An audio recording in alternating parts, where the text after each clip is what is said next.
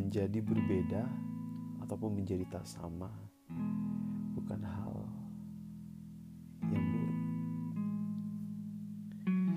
Ketika mencinta beberapa orang, bahkan teman sendiri, dan bahkan sahabat sendiri menertawakan. Tidak jarang dari mereka yang berpikir apa itu cinta sejati. Walaupun beberapa kali dijatuhkan, diremehkan, ditinggalkan,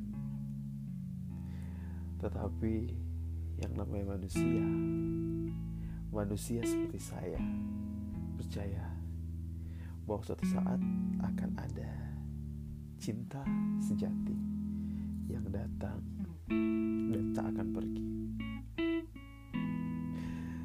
Kadang sesimpel dan selucu punya temen yang menertawakan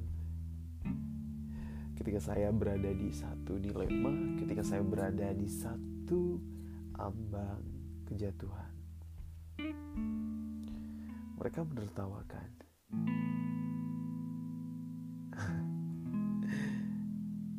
Mereka bilang, "Ah, kamu bodoh. Kamu jatuh lagi ke lubang yang sama." Ah, kamu bodoh. Kamu tidak mencintai diri kamu.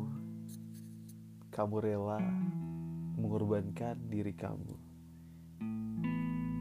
Ah, kamu bodoh. Kamu hanya bisa melihat dengan mata tanpa hati. Ah, kamu bodoh. Kamu mengesampingkan semua akal sehat kamu hanya karena cinta. Cinta pada satu sosok. Begitulah ejekan dari teman-teman yang selalu aku dengar ketika aku jatuh cinta.